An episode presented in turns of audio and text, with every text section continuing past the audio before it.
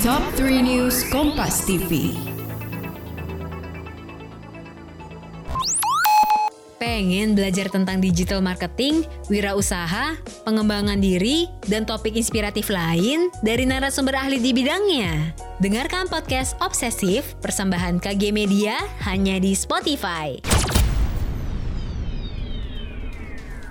Hai sahabat Kompas TV, saatnya kita update 3 berita terpopuler yang terjadi hari ini, hari Jumat 26 November 2021. Bersama saya Dea Davina di Top 3 News Kompas TV. Berita yang pertama sahabat Kompas TV, pengusaha pariwisata Bali menolak rencana penerapan PPKM level 3 pada libur Natal dan Tahun Baru mendatang. Menko Marinvest Luhut Binsar Panjaitan merespon secara tegas terkait hal ini. Menko Marinvest Luhut Binsar Panjaitan angkat bicara terkait penolakan dari pengusaha soal penerapan PPKM level 3. Luhut menegaskan aturan pengetatan mobilitas dibuat agar jumlah warga yang terinfeksi COVID-19 bakal berjatuhan usai periode libur berakhir.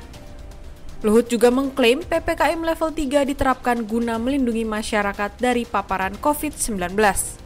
Selanjutnya, sahabat Kompas TV, penyidik Polda Metro Jaya telah menetapkan satu orang anggota Ormas sebagai tersangka yang diduga melakukan pemukulan terhadap Kabak Ops di Telantas Polda Metro Jaya AKBP Dermawan Karoskali. Inilah AKBP Dermawan Karoskali, Kabak Ops di Telantas Polda Metro Jaya yang mengalami penganiayaan oleh massa. Saat itu, korban tengah bertugas mengawal jalannya unjuk rasa di depan gedung DPR pada Kamis 25 November lalu. Polisi pun telah menetapkan satu tersangka pemukulan kepada AKBP Dermawan Karoskali. Sementara 15 orang lainnya jadi tersangka karena membawa senjata tajam. Semula masa ormas diduga tidak terima karena dilarang masuk ke gedung parlemen oleh AKBP Dermawan Karoskali. Pada akhirnya korban diserang menggunakan senjata tajam di bagian kepala dan mengalami luka robek. Karo sekali sudah dibawa ke Rumah Sakit Polri Kramat Jati, Jakarta Timur untuk mendapatkan perawatan medis. Direktorat Reskrim Suspolda Metro Jaya menyita uang hasil tindak pidana korupsi sebesar 8,9 miliar rupiah. Kasus korupsi ini terkait pengadaan barang dan jasa fiktif di anak perusahaan BUMN PT Peruri Digital Security. Direktorat Reskrim Suspolda Metro Jaya mengungkap kasus korupsi yang melibatkan anak perusahaan BUMN.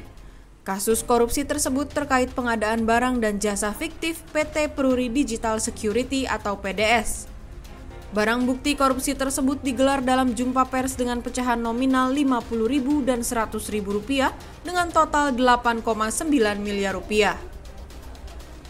Adapun pengadaan barang dan jasa itu berupa data storage, Network Performance Monitoring and Diagnostic, SIM, dan Managing Service.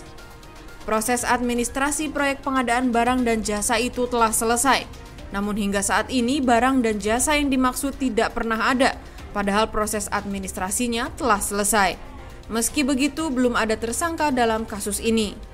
Sahabat Kompas TV itu dia tiga berita terpopuler yang terjadi hari ini. Sampai ketemu lagi di Top 3 News selanjutnya. Sekarang saatnya saya, Dea Davina, pamit undur diri.